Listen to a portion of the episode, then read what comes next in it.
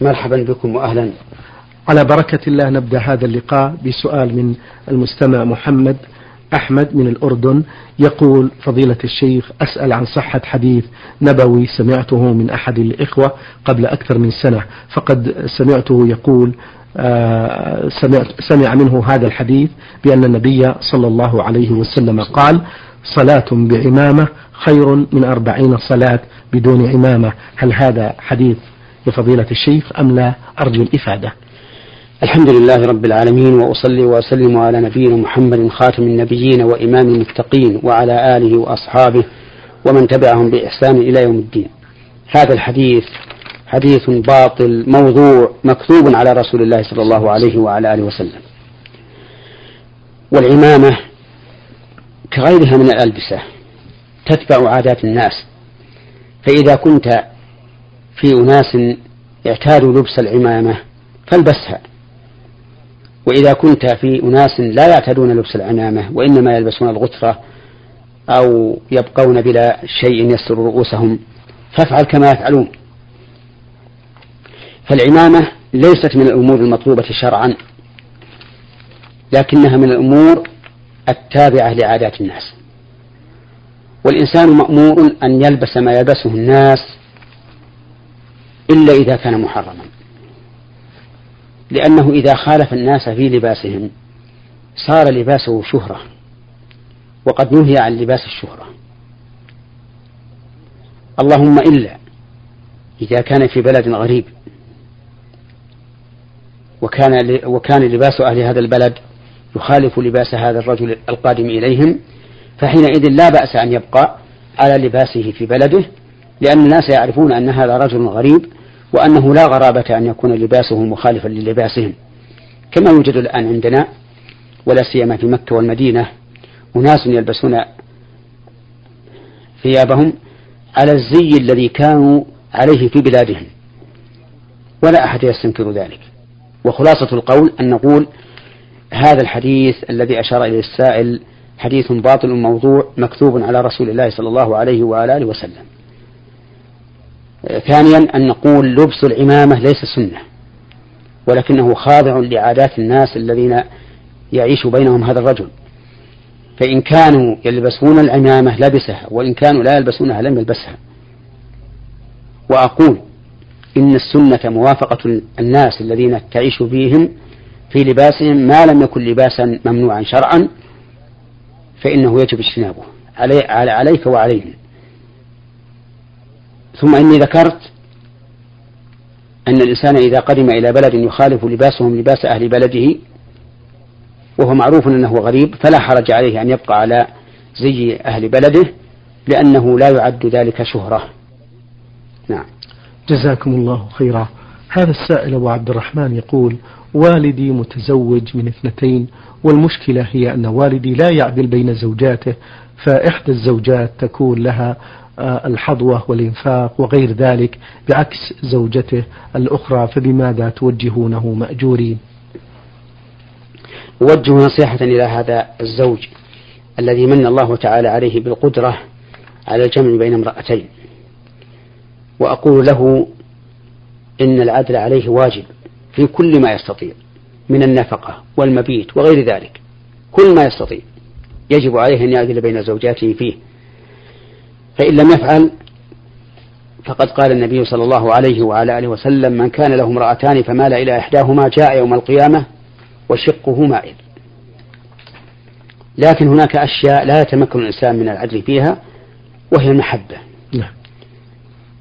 فإن الإنسان لا يستطيع أن يضع محبة شخص في قلبه أو بغض شخص في قلبه لكن هناك مؤثرات توجب المحبة أو توجب البغضاء. فعلى الرجل الجامع بين زوجتين أو أكثر أن يعدل بينهما فيما يمكن العدل فيه من المعاملة الظاهرة كالمبيت والإنفاق والبشاشة وما أشبه ذلك. وقد رخص الله عز وجل للإنسان أن يتزوج أكثر من واحدة. الآية وإن خفتم ألا تقتلوا في اليتامى فانكحوا ما طاب لكم من النساء مثنى وثلاث ورباع فإن خفتم ألا تعدلوا فواحدة.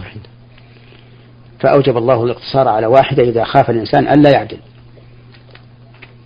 لئلا يقع في الإثم.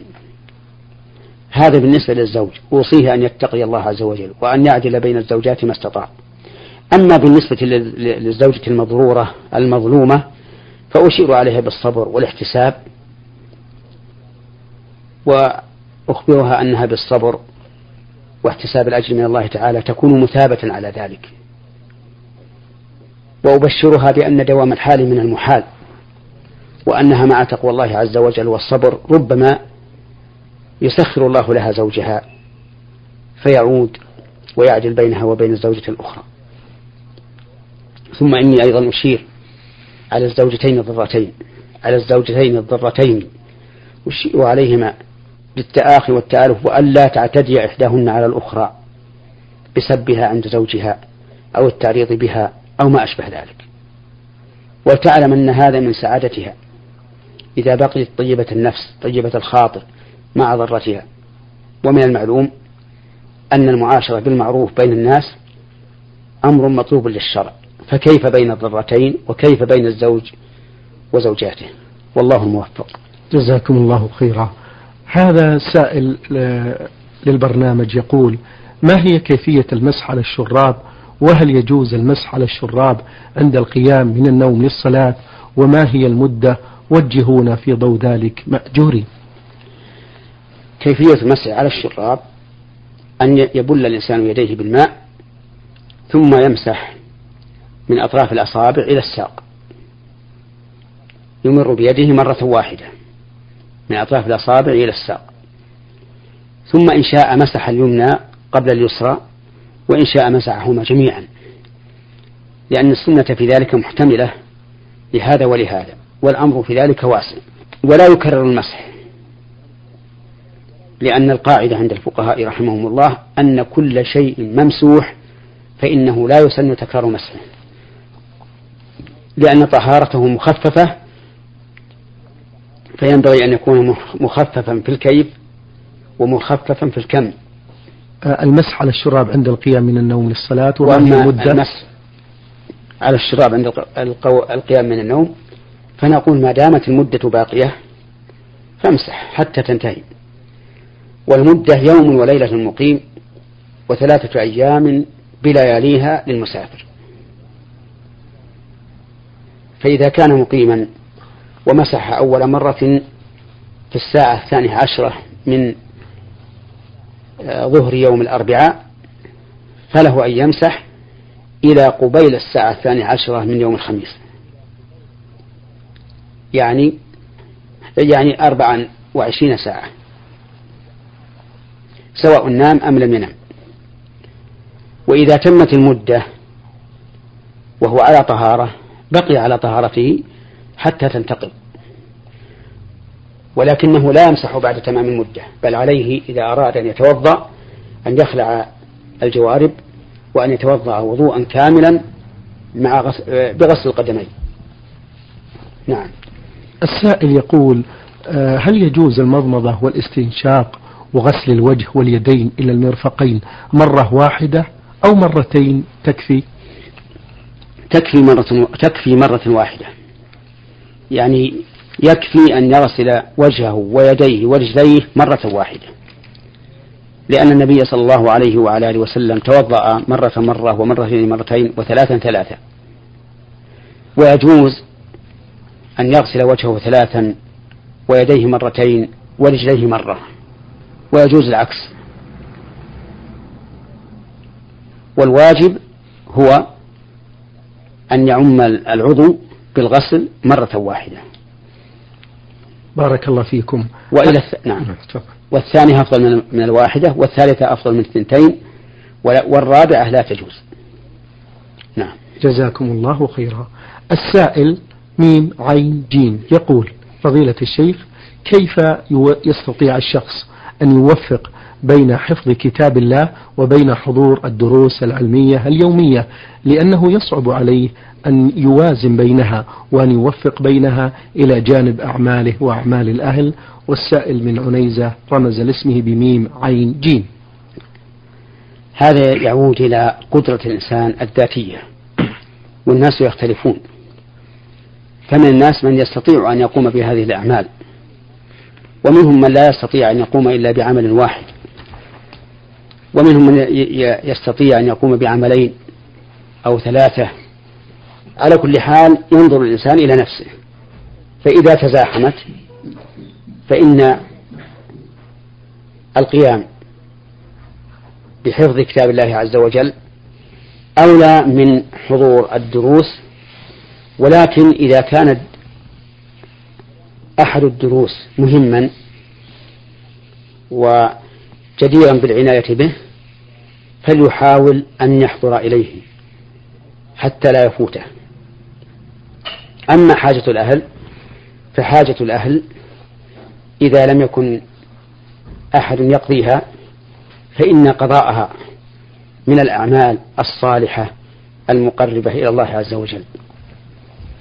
فإن النبي صلى الله عليه وعلى آله وسلم قال لسعد بن أبي وقاص واعلم أنك لن تنفق نفقة تبتغي بها وجه الله إلا أجرت عليها حتى ما تجعله في في امرأتك أي في فمها. مع أن ما يجعله في مع أن ما يجعله في فم امرأته من الأمر الواجب عليه إذ أن نفقة الزوجة واجبة. ومع ذلك كان له بها أجر. فإذا قام الإنسان على أه-، على بي على أهل بيته محتسبا الأجر من, من الله عز وجل آجره الله على ذلك. هذا سائل للبرنامج. أرسل بمجموعة من الأسئلة. عبد الفتاح مدرس مصري مقيم بالرياض. يقول فضيلة الشيخ حلفت أيمان كثيرة ولا أستطيع حصرها ولم أنفذ منها شيء فما حكم ذلك مأجورين؟ نعم. آه، أشير على هذا السائل وعلى غيره من المستمعين إلى هذا البرنامج أشير عليهم أن لا يكثروا الأيمان وأن يقللوا منها ما استطاعوا. وقد فسر قوم من أهل العلم قول الله تعالى واحفظوا أيمانكم بأن المعنى لا تكثر الحلف بالله. والإنسان إذا عزم على الشيء يمكنه أن يقوم به بدون يمين وإذا قدر أنه حلف فليجعل على لسانه دائما قول إن شاء الله. فإن من حلف على شيء فقال إن شاء الله لم يحنث. كما أخبر بذلك النبي صلى الله عليه وسلم. وقد ذكر لنا لنا رسول الله صلى الله عليه وعلى آله وسلم قصة سليمان بن داود عليه الصلاة والسلام أنه قال والله لأطوفن الليلة على تسعين امرأة تلد كل واحدة منهن غلاما يقاتل في سبيل الله. حلف أن يجامع تسعين امرأة تلد كل واحدة غلاما يقاتل في سبيل الله. لم يحلف لأجل نيل شهوته لكن لأجل أن يخرج من صلبه أغلمة يقاتلون في سبيل الله. على أن الإنسان إذا نال شهوته من أهله فله فيها أجر لقول النبي صلى الله عليه وعلى آله وسلم وفي بضع أحدكم صدقة؟ قالوا يا رسول الله أيأتي أحدنا شهوته ويكون له فيها أجر؟ قال نعم. أرأيتم لو وضعها في حرام أكان عليه وزر؟ قالوا نعم. قال كذلك إذا وضعها في الحلال كان له أجر. المهم أن أن سليمان بن داود قيل له لما حلف هذا اليمين قل إن شاء الله. فلم يقل إن شاء الله. اعتمادا على ما في قلبه من العزيمة يعني أنه عازم. فيسر الله له أن طاف على تسعين امرأة في تلك الليلة. ولم يلد منهن إلا واحدة.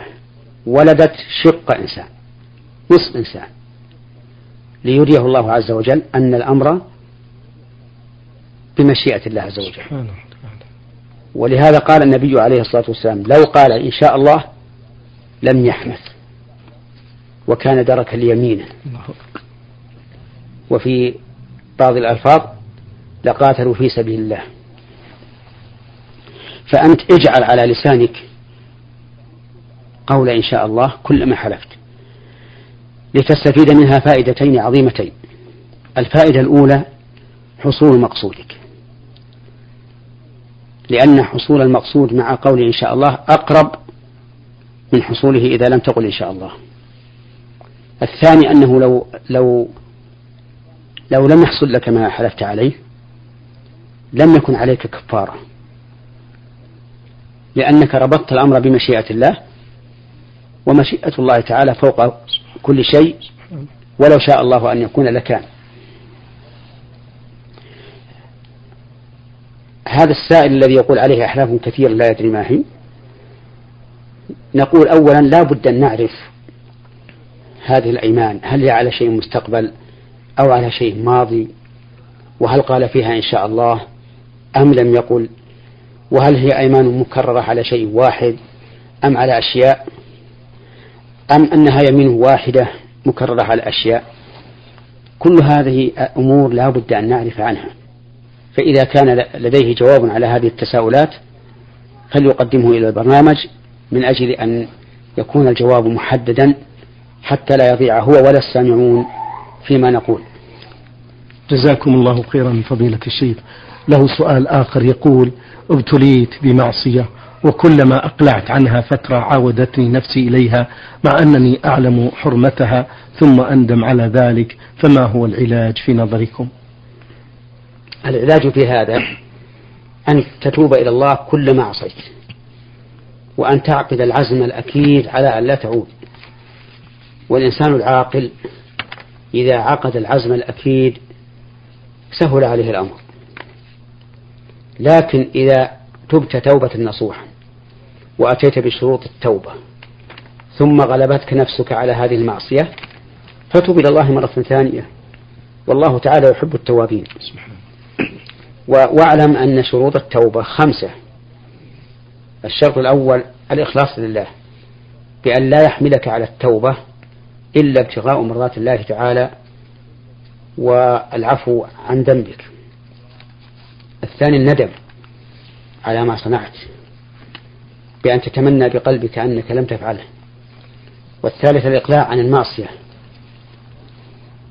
إما باجتناب المحرم أو بالقيام بالواجب. والرابع العزم على ألا يعود. والخامس أن تكون التوبة في الوقت الذي تقبل فيه التوبة.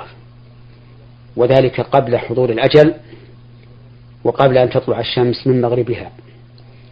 فإن كانت التوبة بعد حضور الأجل فلا فإنها لا تنفع. لقول الله تبارك وتعالى وليست التوبة للذين يعملون السيئات حتى إذا حضر أحدهم الموت قال إني تبت الآن.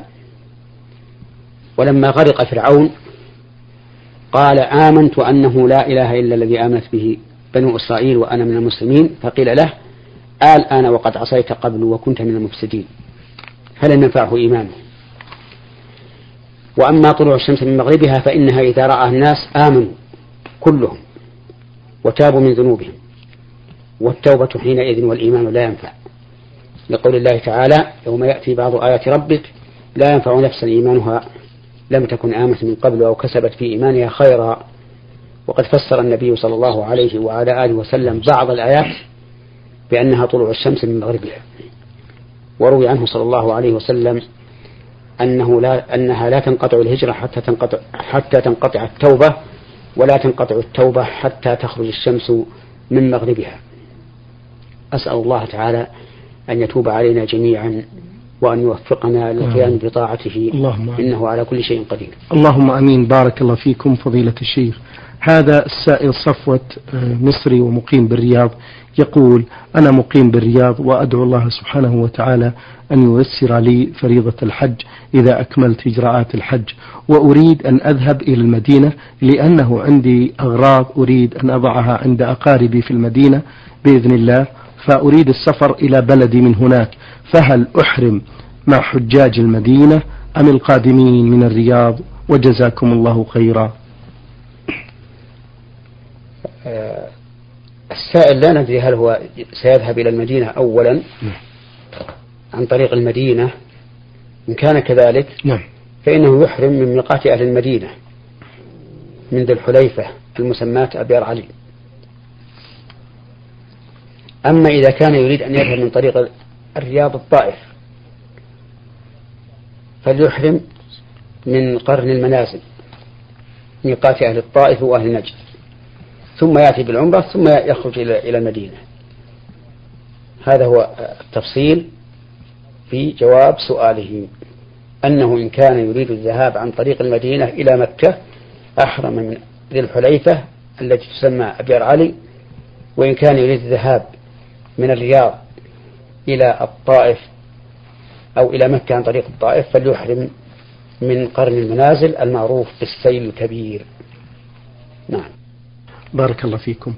آه هذا سائل آه لم يذكر الاسم في هذه الرسالة يقول أخوكم صبري من جمهورية مصر العربية يسأل هذا السؤال. يقول جئت من مصر لأداء العمرة وأحرمت من الباخرة ونزلت جدة لكي أذهب إلى مكة ولم أتمكن من الوصول إلى مكة وذلك لظروف طارئة.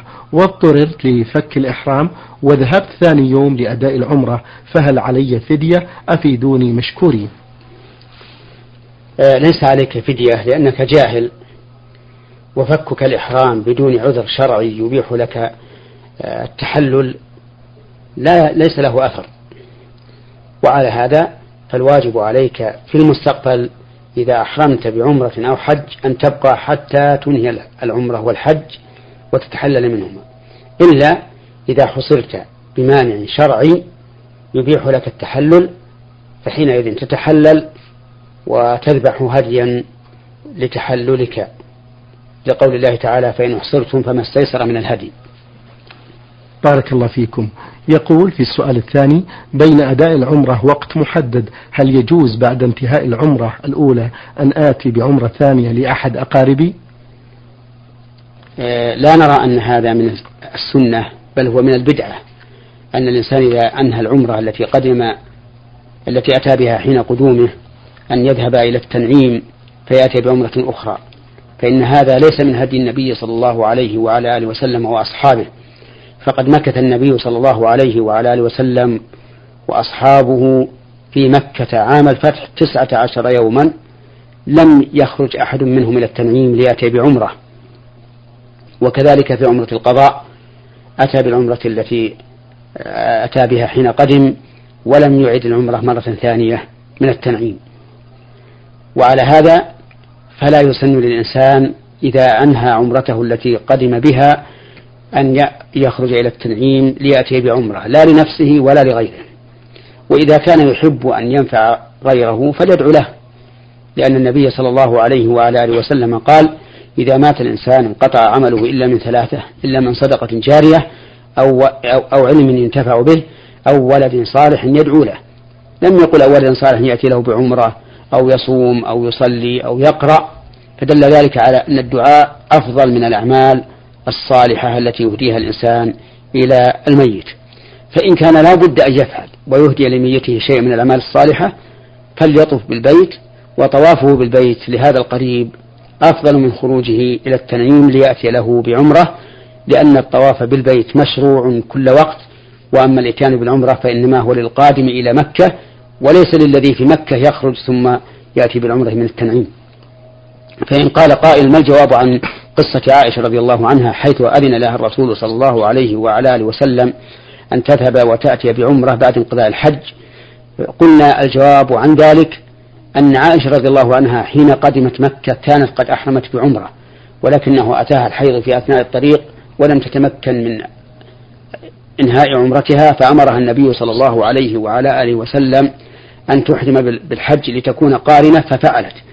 فلما أنهت الحج طلبت من النبي صلى الله عليه وعلى آله وسلم أن تأتي بعمرة مستقلة كما أتى بها زوجاته صلى الله عليه وعلى آله وسلم قبل الحج.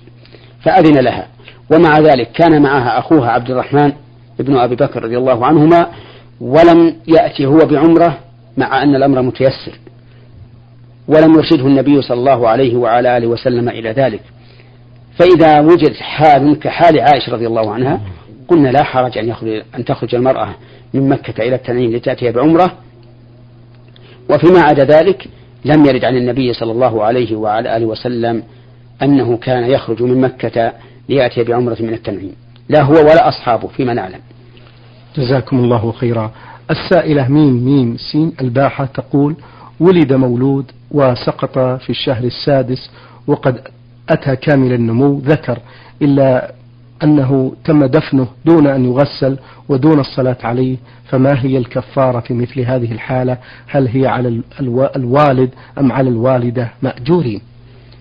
ليس هناك كفارة ما دام سقط بدون سبب ولكن عليهم الآن أن يصلوا عليه. وتحصل الصلاة بواحد ولو في البيت. فيصلي عليه صلاة الجنازة إلا إذا كان يعرف مكان دفنه فليذهب إلى إلى مكان دفنه وليصلي على القبر لأن الصلاة على الغائب لا تجوز حيث أمكن الصلاة على القبر. ولهذا لم يصلي النبي صلى الله عليه وعلى آله وسلم على المرأة التي كانت تقوم المسجد فماتت فدفنوها ليلا ولم يخبر النبي صلى الله عليه وعلى آله وسلم فقال دلوني على قبرها فدلوه عليه فصلى عليه. وعلى هذا فنقول يخرج أبوه أو أحد من إخوانه إلى مكان قبره إن كانوا يعرفونه فيصلون عليه. صلاة الجنازة. شكر الله لكم يا فضيلة الشيخ وعظم الله مثوبتكم وبارك